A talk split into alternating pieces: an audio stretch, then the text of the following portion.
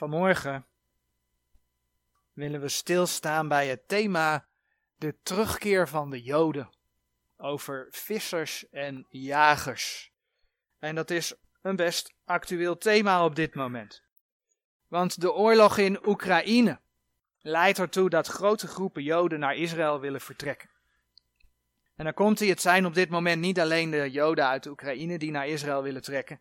Er zijn ook berichten dat, en daar gaat dit tweede, tweede stukje over op de dia, dat er veel Joden uit Rusland zijn die naar Israël willen trekken.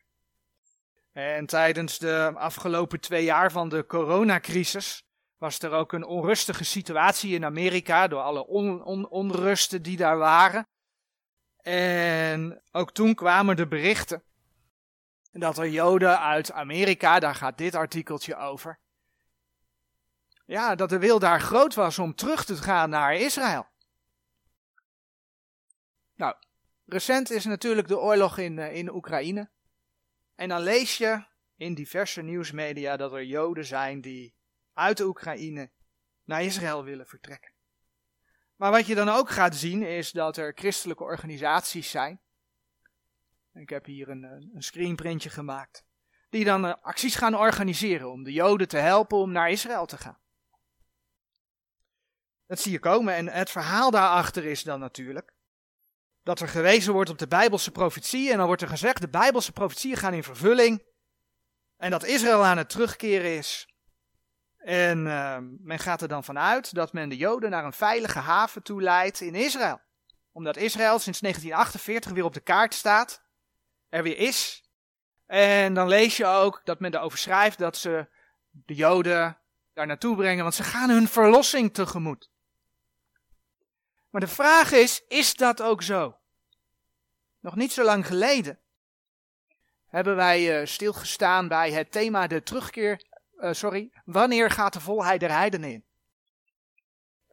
En we hebben toen gezien dat Jeruzalem door de heidenen vertreden gaat worden, totdat. En dat is een totdat, totdat de tijden der heidenen vervuld zijn. Lucas 21, vers 24 spreekt daarover. Ook hebben we gezien dat in de grote verdrukking Jeruzalem nog weer onder de voet gelopen gaat worden. De profeten in het Oude Testament kondigen dat al aan. Zacharia 14, vers 1 en 2 kun je daarover lezen. Ja, en die keer dat dat dan in de grote, aan het eind van de grote verdrukking dat het gaat gebeuren, zal de laatste keer zijn. Maar het gaat nog wel gebeuren. En dan zoeken we een Bijbelgedeelte op in Matthäus 24, vers 15 tot en met 22 en dat gaan we lezen. Matthäus 24 en dan lezen we vanaf vers 15. Wanneer gij dan zult zien de gruwel der verwoesting, waarvan gesproken is door Daniel de profeet, staande in de heilige plaats, die het leest, die merken daarop dat als dan die in Judea zijn, vlieden op de bergen, vluchten op de bergen. Die op het dak is, komen niet af om iets uit zijn huis weg te nemen. En die op de akker is, keren niet weder terug om zijn klederen weg te nemen. Maar wee de bevruchte en de zogende vrouwen in die dagen. Doch bid dat uw vlucht niet geschiede des winters, noch op, de, op een sabbat. Want als dan zal grote verdrukking wezen, hoedanige niet is geweest van het begin der wereld tot nu toe en ook niet zijn zal. En zo die dagen niet verkort werden, geen vlees zou behouden worden, maar om der uitverkorene wil, zullen die dagen verkort worden. Dus niet alleen Jeruzalem krijgt het zwaar, maar iedereen die in Judea is, wordt opgeroepen om in die tijd te vluchten. Ga niet eerst je huis in, maar maak dat je wegkomt. Vlucht. En uiteindelijk weten we natuurlijk dat die grote verdrukking over de hele aarde zal gaan. Als gemeente mogen we weten dat we opgenomen worden. Maar de mensen die achterblijven omdat ze de Heer niet kennen, gaan dat meemaken. Ik lees dit gedeelte omdat men nu, omdat men nu, voor de zoveelste keer overigens, geld inzamelt om de Joden naar Israël te brengen. Net zo goed als in het verleden ik advertenties voorbij heb zien komen van christelijke organisaties die geld in gingen zamelen om de derde tempel te financieren. De tempel waarin de antichrist zal gaan zitten. Zo mooi voor het Joodse volk. Als je die liederen hoort, ik hoor het nog iemand zeggen waarvan ik toen een preek geluisterd heb. Zo mooi als je die liederen hoort. Maar dan moet je kijken wat God over dat volk in zijn woord zegt. Dat volk die de tempel daar gaat neerzetten, waarschijnlijk in samenwerking met de Verenigde Naties. En dat de antichrist zijn intrek daarin zal nemen. Het is zo veilig in Israël niet. Echt niet. De Heere God heeft nog steeds geduld met de heidenen. Want hier zitten we als gemeente ergens, zullen opgenomen worden. Dan komt die zeventigste jaarweek. En pas aan het eind, na die zeven jaar, dan is die volheid der heidenen gaat in. En tot die tijd heeft God nog steeds geduld. Zijn wil is dat alle mensen tot bekering komen. Maar zijn geduld is niet eindeloos. Er komt een tijd dat hun ongerechtigheid vol is, dat de, dat de oogst van de ongelovigen rijp is. En dat is het moment dat die volheid der heidenen ingaat. Dan komt de Heer terug en zal met die heidenen afrekenen. En dan zal Israël tot bekering komen. En dat hebben we toen gelezen en die versen gaan we nog een keer lezen. Romeinen 11, vers 25 en 26. Omdat die versen vandaag nog een paar keer gaan terugkomen, is het gewoon goed om ze nog een keer te lezen. Romeinen 11, vers 25 en 26. Romeinen 11, vers 25. Want ik wil niet, broeders, dat u deze verborgenheid onbekend zij, opdat gij niet wijs zijt bij uzelf, dat de verharding voor een deel over Israël gekomen is, totdat de volheid der heidenen zal ingegaan zijn. En alzo zal geheel Israël zalig worden, gelijk geschreven is, de verlosser zal uit Sion komen en zal de goddeloosheden afwenden van Jacob. Dat is natuurlijk een geweldig gebeuren waar het met Israël naartoe gaat. Maar voordat het zover is, gebeurt er echt eerst wat anders. En daar willen we vandaag bij stilstaan. En ja, de Heere is opnieuw begonnen met het werken door het volk Israël heen. Want om de profetieën over de eindtijd in vervulling te kunnen laten gaan, moet Israël in het land zijn. De Bijbel zegt dat de antichrist zich in de tempel zal zetten. Dat betekent, als die profetie in vervulling moet kunnen gaan, dat Israël in het land moet zijn en dat er een tempel in Jeruzalem moet zijn. Nou, die tempel is er nog niet, maar als je op YouTube gaat zoeken naar Tempelinstituut Jeruzalem, en we hebben daar wel eens bij stilgestaan, dan weet je dat die voorbereidingen heel ver zijn. Het hoeft niet zoveel tijd te kosten om die tempel daar neer te gaan zetten. Die voorbereidingen zijn hard op weg. Als de Joden die in Judea zijn, wat we in Matthäus hebben gelezen, in de nabije toekomst moeten gaan vluchten, dan moet Israël dus wel in het land zijn. Weet je, duidelijker kan het niet. En daarom is de stichting van de Joodse staat in 1948 een mijlpaal. En het feit dat uh, Jeruzalem sinds 1967 opnieuw in Joodse handen is, dat is dus ook een mijlpaal. Het laat zien dat de Heere in de geschiedenis werkt. Maar betekent dat dat we dat zien? Dat alle Joden die niet terugkeren, hun rust tegemoet gaan. Want dat is wat er vaak wel beweerd wordt. Een tekst die, die veel gelezen wordt is bijvoorbeeld Ezekiel 36, vers 24. Ezekiel 36, vers 24. Want ik zal u uit de heidenen halen en zal u uit de landen vergaderen en ik zal u in uw land brengen. En zo zijn er veel teksten meer die je kunt citeren.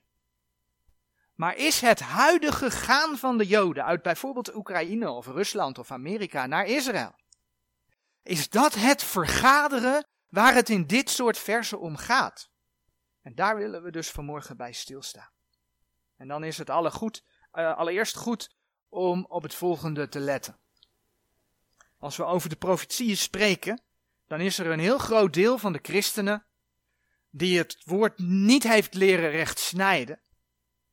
Die zeggen dat de profetieën allemaal al lang in vervulling zijn gegaan. Al dan niet bij de verwoesting van de tempel in 70 na Christus, dan wel onder de Babylonische ballingschap die daarvoor zat.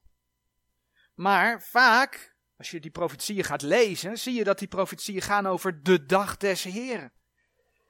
En zie je dat die profetieën elementen laten zien die in de tijd van bijvoorbeeld de Babylonische ballingschap, hè, hier nog voor het kruis of in de tijd 70 na Christus van de verwoesting van de tempel, elementen die toen helemaal niet gebeurd zijn, die niet in vervulling zijn gegaan. En dat wijst er dus op dat daar nog toekomst in zit. Dat uh, sommige profetieën dus ja, naar toen nog toekomst verwezen, maar zelfs dingen die nu nog toekomst zijn. Het moet gewoon nog in vervulling gaan.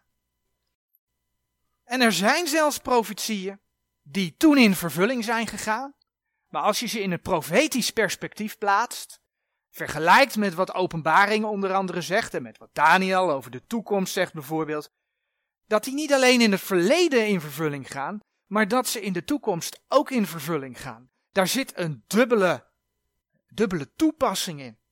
Nou, context, studie van Gods woord moet dat dan duidelijk maken. Nou, we gaan daar niet uitgebreid op in. Maar één vers wil ik aanhalen en dat is Jesaja 11 vers 11. Jesaja 11 vers 11.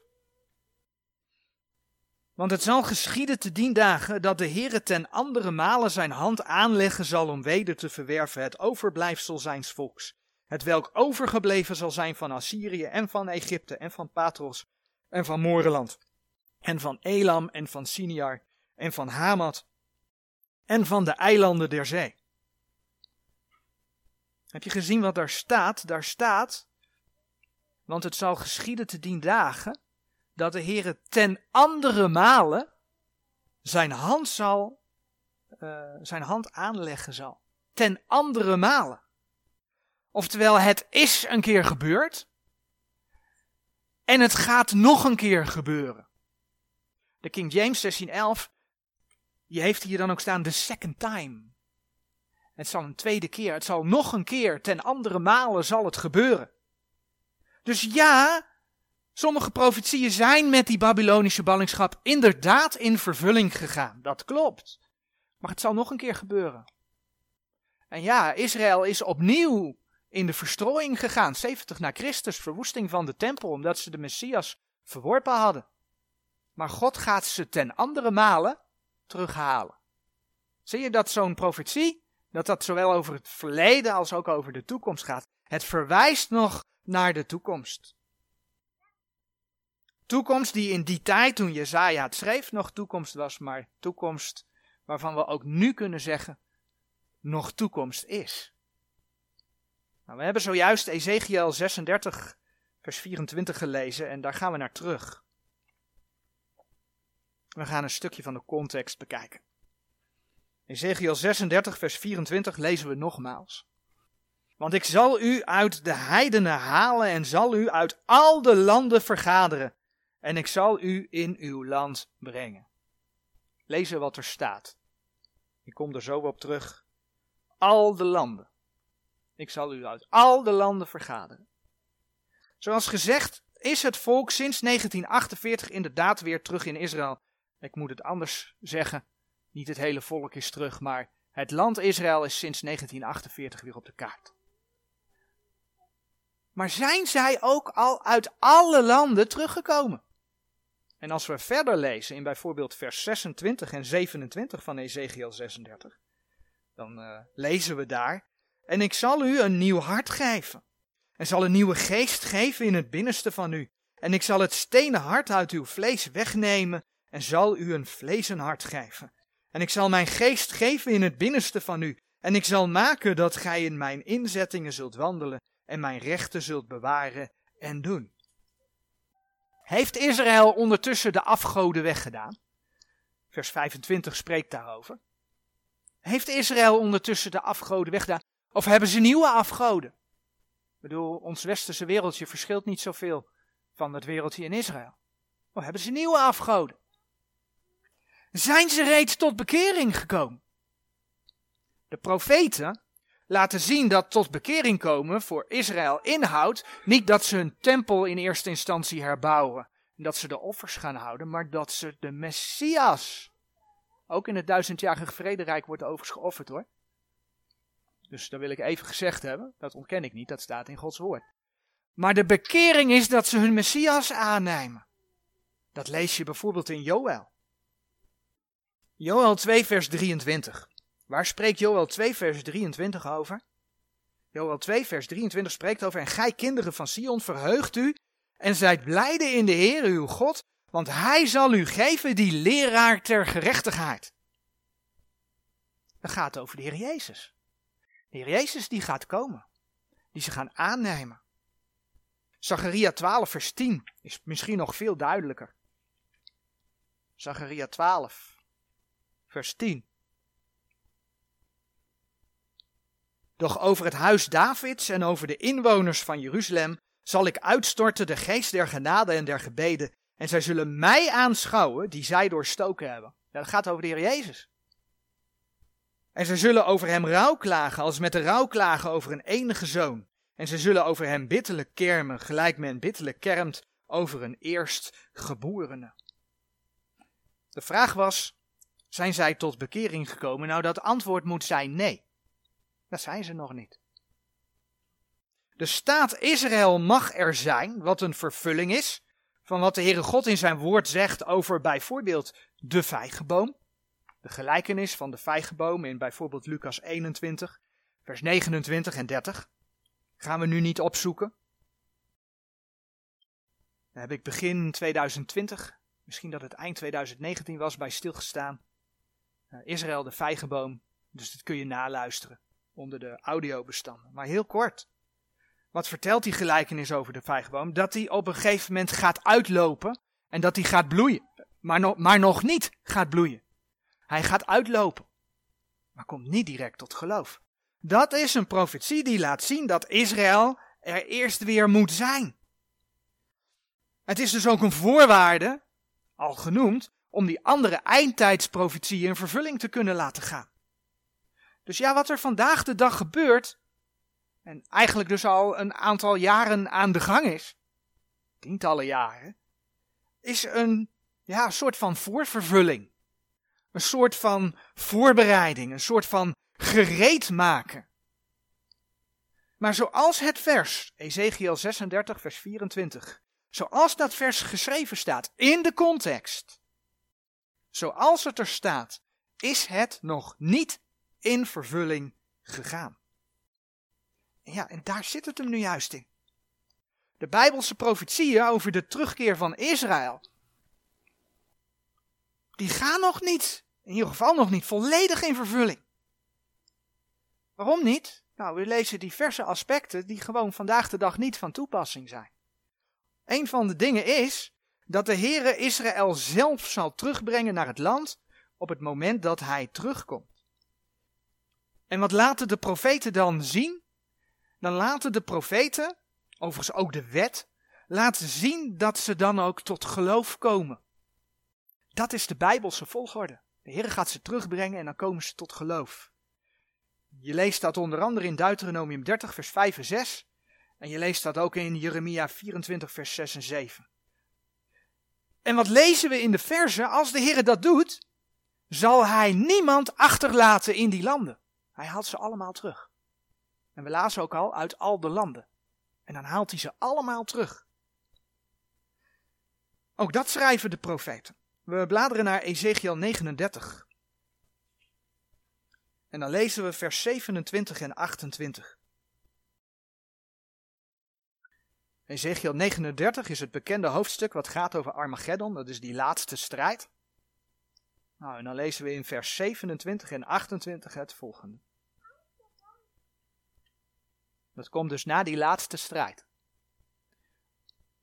Als ik hen zal hebben wedergebracht uit de volken en hen vergaderd zal hebben uit de landen hunner vijanden, en ik aan hen geheiligd zal zijn voor de ogen van vele heidenen. Dan zullen zij weten dat ik de Heere hun lieder God ben, terwijl ik hen gevankelijk heb doen wegvoeren onder de heidenen, maar heb hen weder verzameld in hun land, en heb al daar niemand van hen meer overgelaten. Als God het doet, haalt hij ze allemaal terug. Dat is wat de schrift laat zien. Eh, weet je, er komen al jaren Joden terug naar Israël. Dat speelt zelfs al van voor de Tweede Wereldoorlog. Van na de Tweede Wereldoorlog. In 1990, 1991 uh, was er ook een piek van Joden die uit Rusland terugkwamen naar Israël. En ook nu, hè, door de oorlog die er nu is, komen er Joden terug uit Rusland, die, die, die naar Israël gaan. En, en Oekraïne. Oekraïne in 2014 is ook zo'n moment geweest dat er heel veel Joden uit Oekraïne kwamen, want toen was er ook oorlog tussen Rusland en Oekraïne. En toen werden er ook acties gehouden om dat te bekostigen. En nu dus weer. Maar nog steeds wonen er Joden in Rusland. Nog steeds wonen er Joden in Oekraïne. In Amerika. Nog steeds zijn de profetieën niet vervuld. Bladeren we naar Jeremia, Jeremia 30. Jeremia 30, vers 10. Gij dan vreest niet, o mijn knecht Jacob, spreekt de Heere, ontzet u niet, Israël, want zie, ik zal u uit verre landen verlossen, en uw zaad uit het land hunner gevangenis. En Jacob zal wederkomen en stil en gerust zijn, en er zal niemand zijn die hem verschrikken. Dat is natuurlijk op zich een verwarrend vers, hè? Want daar staat, uh, gij dan vreest niet, o mijn knecht Jacob.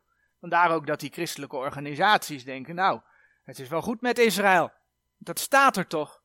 Maar weet je wanneer dit is? Dit is aan het begin van duizendjarig vrederijk. En dan kan de Heer tegen ze zeggen, vrees niet, gij knecht Jacob. Verschrik niet, ze hebben al die benauwdheid achter zich. En nu is het moment dat de Heer ze gaat halen en dat ze zullen zien wie zij doorstoken hebben.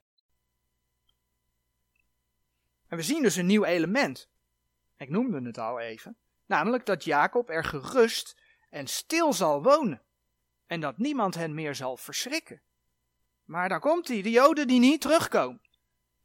Die wonen echt niet rustig en stil in, in Israël. Echt niet. Ze leven continu met de angst van aanslagen. Angst dat er raketten kunnen gaan inslaan. Van Palestijnen of andere moslims in de regio. En uh, nou, ik denk dat het duidelijk is dat de laatste tijd de Palestijnse organisatie weer aanzet tot geweld in Israël. Maar ook onder de eigen bevolking is er geen rust en vrede. Ik bedoel, Israël is een van de landen die het snelst waren met het invoeren van alle coronamaatregelen. Met het invoeren van de, eh, de, de inentingen en de pas die je moest kunnen laten zien. Om mensen uit te kunnen sluiten. Israël was een van de eerste. Er was absoluut geen rust in het land en geen vrede.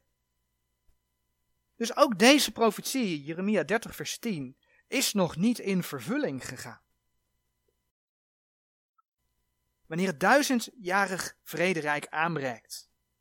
Dus wanneer de volheid der heidenen is ingegaan en wanneer de Heer Jezus terugkomt, dan zal hij hen halen. En kijk wat er dan in Jeremia 31, vers 7 en 8 staat. Want zo zegt de Heere, roept luid over Jacob met vreugde en juicht vanwege het hoofd der heidenen, doet het horen. Lof zingt en zegt, o Heere, behoud uw volk, het overblijfsel van Israël. Zie, ik zal hen aanbrengen uit het land van het noorden en zal hen vergaderen van de zijde der aarde. Onder hen zullen zijn blinden en lammen, zwangere en barenden tezamen. Met een grote gemeente zullen zij herwaarts wederkomen. Ja, en dan dan zal Israël in vrede wonen. Gods vrede, die over deze aarde gaat komen in het duizendjarig vrederijk. Maar dat de Heer hen dan terughaalt, betekent het dan, betekent dat dan dat uh, mensen daar helemaal geen rol in spelen? Nee, dat betekent het niet. Mensen zullen wel degelijk een rol spelen en daarvoor bladeren we naar Jesaja 60. En Jezaja 60 is een hoofdstuk dat ook weer gaat over het moment dat de Heer Jezus is teruggekomen. Dus we hebben het opnieuw over eigenlijk het begin van het duizendjarig vrederijk. Als eerste lezen we in Jezaja 60 vers 1, dan zie je ook dat het over het herstel van Israël gaat. Uh, in Jezaja 60 zie je trouwens dat de kopjes niet tot de geïnspireerde tekst horen. Want er staat dan zo netjes boven door de kerk daarboven vermeld de heerlijkheid der kerk. Nou, dit gaat natuurlijk absoluut niet over de kerk, maar over Israëls herstel. Dus ja, de Statenbijbel is Gods woord, maar wees voorzichtig met de kopjes die men erboven heeft geplaatst. Jezaja 60 vers 1, maak u op, word verlicht, want uw licht komt. En de heerlijkheid des Heren gaat over u op. Dat gaat over het herstel van Israël. En dan wanneer de Heer Jezus is teruggekomen, lezen we in Jesaja 60, vers 9 en 10. Want de eilanden zullen mij verwachten en de schepen van Tarsis voor eerst, om uw kinderen van verre te brengen, hun zilver en hun goud met hen, tot de naam des Heeren uw Gods, en tot de heilige Israëls, terwijl hij u heerlijk gemaakt heeft. En de vreemden zullen uw muren bouwen, en hun koningen zullen u dienen. Want in mijn verbolgenheid heb ik u geslagen, maar in mijn welbehagen heb ik mij over u ontfermd. Daar waar de heidenen momenteel Israël vaak slecht maken, kijk naar de Verenigde Naties, vaak willen boycotten, daar waar antisemitisme de kop opsteekt, en de Joden juist daardoor, door al die negatieve dingen, naar Israël komen, daar zullen de heidenen, dat hebben we net gelezen aan het begin van het duizendjarig vrederijk, juist helpen om de Joden terug te brengen. Ze zullen helpen om het land te bouwen. Maar dat is een verschil. Heel wat anders dan deze tijd, waar er een oorlog ontstaat en de Joden daardoor teruggaan. En we, we lazen net in die versen dat ze zelfs niet arm en berooid zijn, want ze komen terug met hun zilver en hun goud met hen. Dat is op zich een typische tekst naar de grote verdrukking. Maar waar werden de Joden ook onderdrukt? De Joden werden onderdrukt in Egypte. Exodus 12, vers 35 en 36, daar lees je dat toen de Joden naar Israël gingen, hè, naar Canaan gingen, dat ze het goud en het zilver van de Egyptenaren meekregen. Zij komen met hun goud en zilver. Nou, het staat er niet letterlijk, maar gezien wat de Heer in Exodus over het volk laat zien, ik denk dat ze met het goud en het zilver van de volken naar hun land gestuurd worden. En daar geholpen worden om Israël te bouwen. Zijn duizendjarig vrederijk te start. En we hebben net gelezen in die tekst in Jesaja 60 vers 9 en 10 dat zelfs de koningen zullen Israël en haar heren dienen. Wauw. Dat men nu de Joden in nood helpt. Nou weet je, daar is niks verkeerds mee. Op zich is dat goed. Alleen dan komt hij. Dat is net als je andere mensen in nood helpt. Israël is eigenlijk ook een soort afgod voor veel christenen, want oh, kom niet aan Israël. Maar de Heere vraagt, Galaten 6 vers 10, van, van, van zijn kinderen om goed te zijn, goed te doen aan allen meest aan de huisgenoten des geloofs. Maar die tekst begint met, doet goed, goed doen aan allen. Dus als mensen vervolgd worden, mag je goed doen voor ze. Dus ook voor het Joodse volk. Misschien, en dan bladeren we naar Matthäus 25, zou je een verwijzing kunnen maken naar het oordeel dat gaat plaatsvinden als de Heer Jezus op aarde terugkomt. Dat is het oordeel van de volken.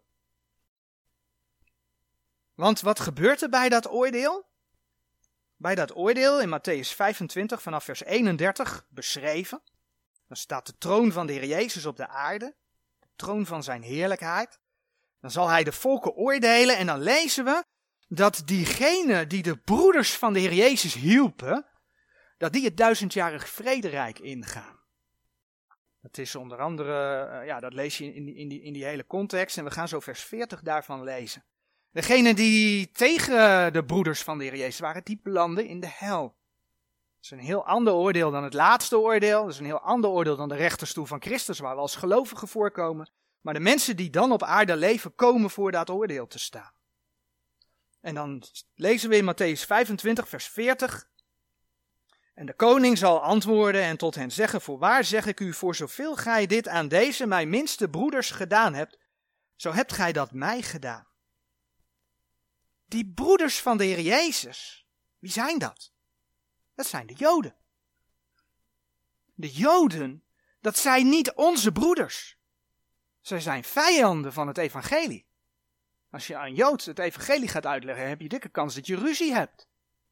Zij zijn vijanden van het evangelie. Maar de broeders van de Heer Jezus, dat zijn de Joden. Want hij was een Jood.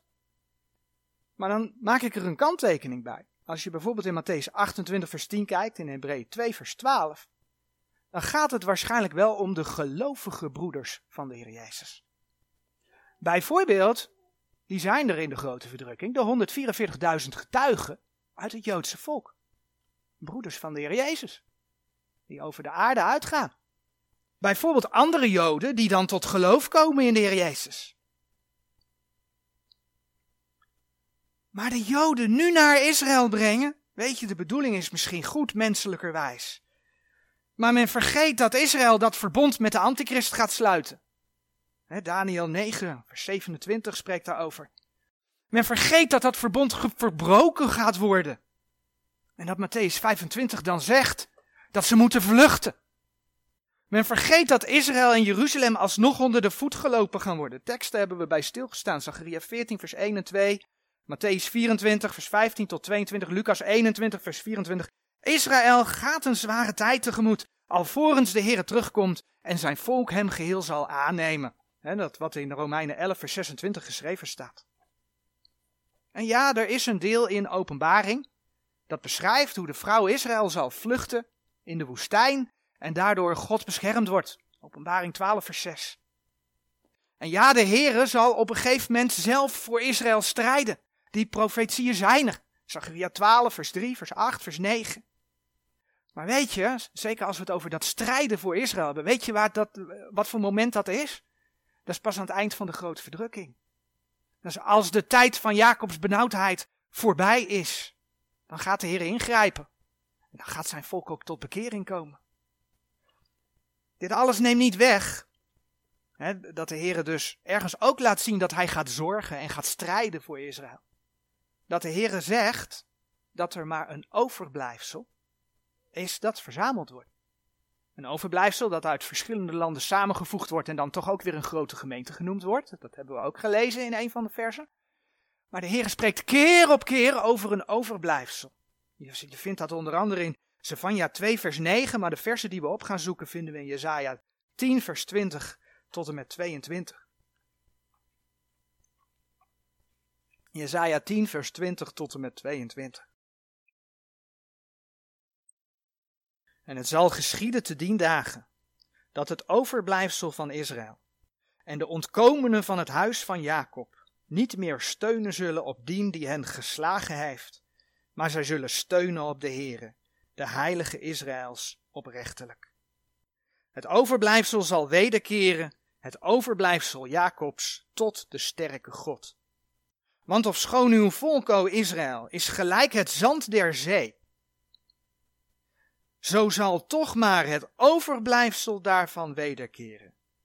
De verdelging is vastelijk besloten, overvloeiende met gerechtigheid. Ik denk dat over deze woorden niet veel gesproken wordt, niet veel gepreekt wordt. Maar de Heer zegt dat een overblijfsel terugkomt en als toelichting de verdelging is vastelijk besloten, overvloeiende met gerechtigheid. Dat is Gods gerechtigheid is ook de reden waarom de grote verdrukking over de aarde gaat komen. Niet alleen over Israël, maar over de hele aarde. Want mensen hebben God de rug toegekeerd en hebben andere goden gediend. Ook Paulus spreekt erover in Romeinen 11. Romeinen 11, vers 1. In Romeinen 11, vers 1. Daar zegt Paulus: Ik zeg dan, heeft God zijn volk verstoten dat zij verre want ik ben ook een Israëliet, uit het zaad Abrahams, van de stam van Benjamin. De vraag is dus of de Heer zijn volk verstoten heeft. En uit dit vers, wat we net gelezen hebben, blijkt al dat het antwoord nee is. God heeft zijn volk niet verstoten. En Romeinen 11, vers 2 bevestigt dat. Maar dan moet je nadenken over met welk voorbeeld Paulus komt. Zegt hij nee, want de, eh, de orthodoxe Joden bidden nog steeds tot God? Nee, kijk met wat voor voorbeeld hij komt. Want ik ben ook een Israëliet, zegt hij. Hij komt met zichzelf als voorbeeld. Maar Paulus behoort tot het Israël Gods. Tot degene die de Heer Jezus hebben aangenomen. Israël Gods komt onder andere voor in Gelaat 6 vers 16. Daar hebben we eerder bij stilgestaan. Een deel van de gemeente uit Israël die de Heer Jezus hebben aangenomen. Vervolgens noemt hij Elia als voorbeeld. Die dacht dat hij alleen was overgebleven. Je leest daarover in vers 2 en 3 van Romeinen 11. Het gaat over 1 Koningen 18 en 1 Koningen 19. En wat blijkt dat de Heer niet alleen de honderd profeten die Obadja verborgen had in die tijd, daarover lees je in 1 Koning 18 vers 4, dat hij die had overgelaten. Maar er waren 7000 mannen. Waarschijnlijk dus meer mensen, want er wordt expliciet 7000 mannen genoemd. Zullen waarschijnlijk ook vrouwen en kinderen geweest zijn. Maar 7000 mannen zijn door de Heeren bewaard, zijn overgebleven, die hun knieën niet voor Baal gebogen hadden. Maar mensen, 7000 uit een heel volk. Dat is weinig. Dat is een overblijfsel. En kijk wat Romeinen 11 vers 5 zegt. Alzo is er dan ook in deze tegenwoordige tijd een overblijfsel geworden naar de verkiezing der genade. Dat zegt Paulus in de gemeentetijd. Dus degene uit Israël die de Here kennen, die worden in deze tijd een overblijfsel genoemd. Kun je ook uit Romeinen 10, uh, 11 vers 7. Daar blijkt het ook uit. Romeinen 11 vers 7. Maar dat betekent dat dat overblijfsel wat er in deze tijd is met de opname, want ze behoren tot de gemeente, ook opgenomen worden. Want zij zijn deel van de gemeente. En dan komt het. Het Israël dat achterblijft. Het fysieke Israël, gewoon het volk, dat is het verharde volk. Romeinen 11 vers 7. En hen wacht die zware tijd. En ook van dat deel blijft vervolgens een overblijfsel over, dat zal wederkeren want zegt de Heere, de verdelging is vastelijk besloten. Jezaja 10 vers 20 tot en met 22. En dat overblijfsel dat overblijft. Dat is dan Romeinen 11 vers 25 en 26. Het volk dat geheel tot behoud komt. Is het overblijfsel. Dus we zien vandaag de dag absoluut geen vervulling. Van de Heere die Joden thuis haalt en dat ze in vrede wonen. Dat ze uit alle landen komen nu komen uit meerdere landen, maar er blijven ook achter. Dat is allemaal nog toekomst.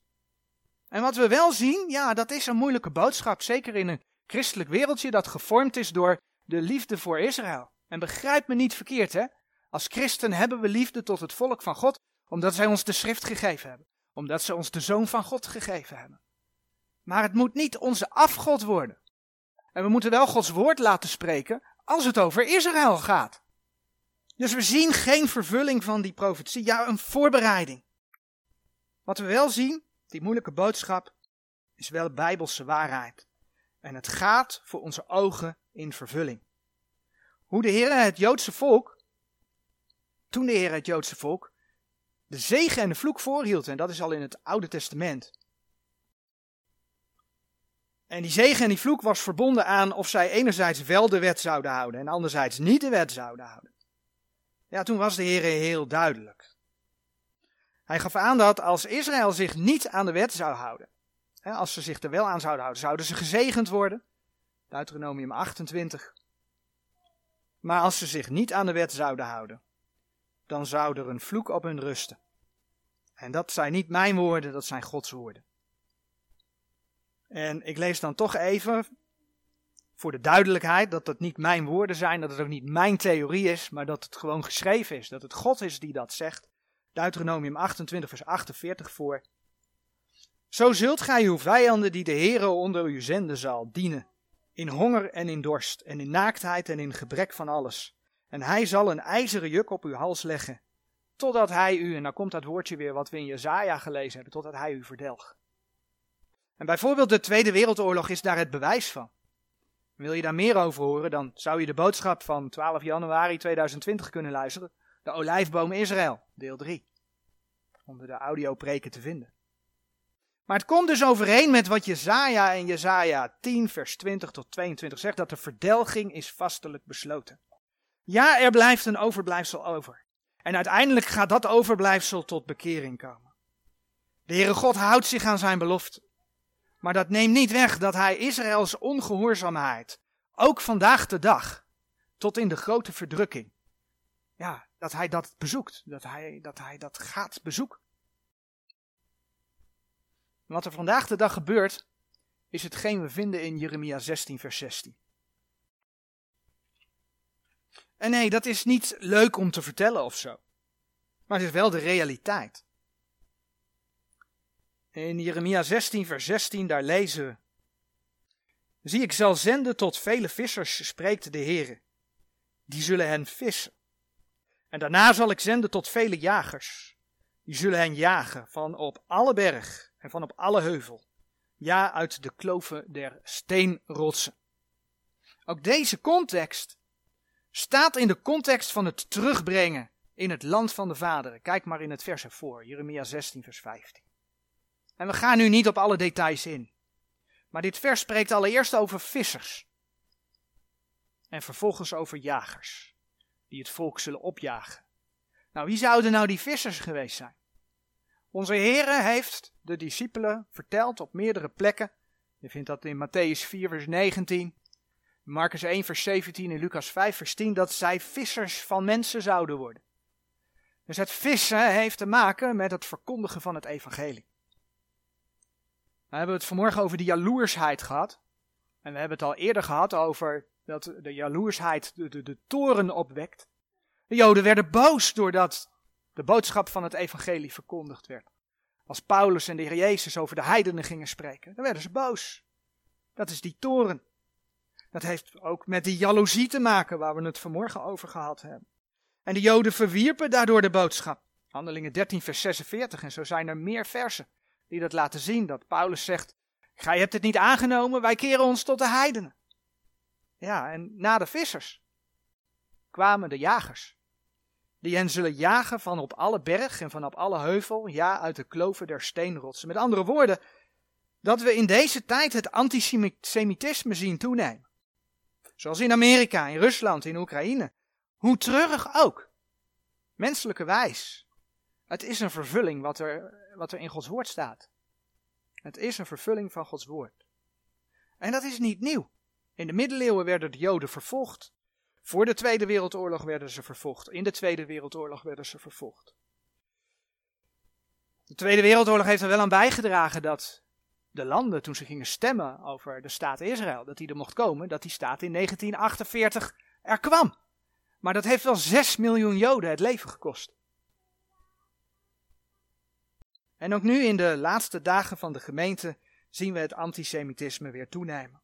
En zien we oorlogen ontstaan, waardoor opnieuw meer Joden terugkeren naar hun land. Maar vrede vinden ze daar niet, want de grote verdrukking staat voor de deur. En dat alles heeft als oorzaak, en dan gaan we naar de context van Jeremia 16 kijken, de vergelding van hun ongerechtigheid en hun zonde. Kijk maar wat de Heer in Jeremia 16, vers 17 en 18 zegt. Want mijn ogen zijn op al hun wegen.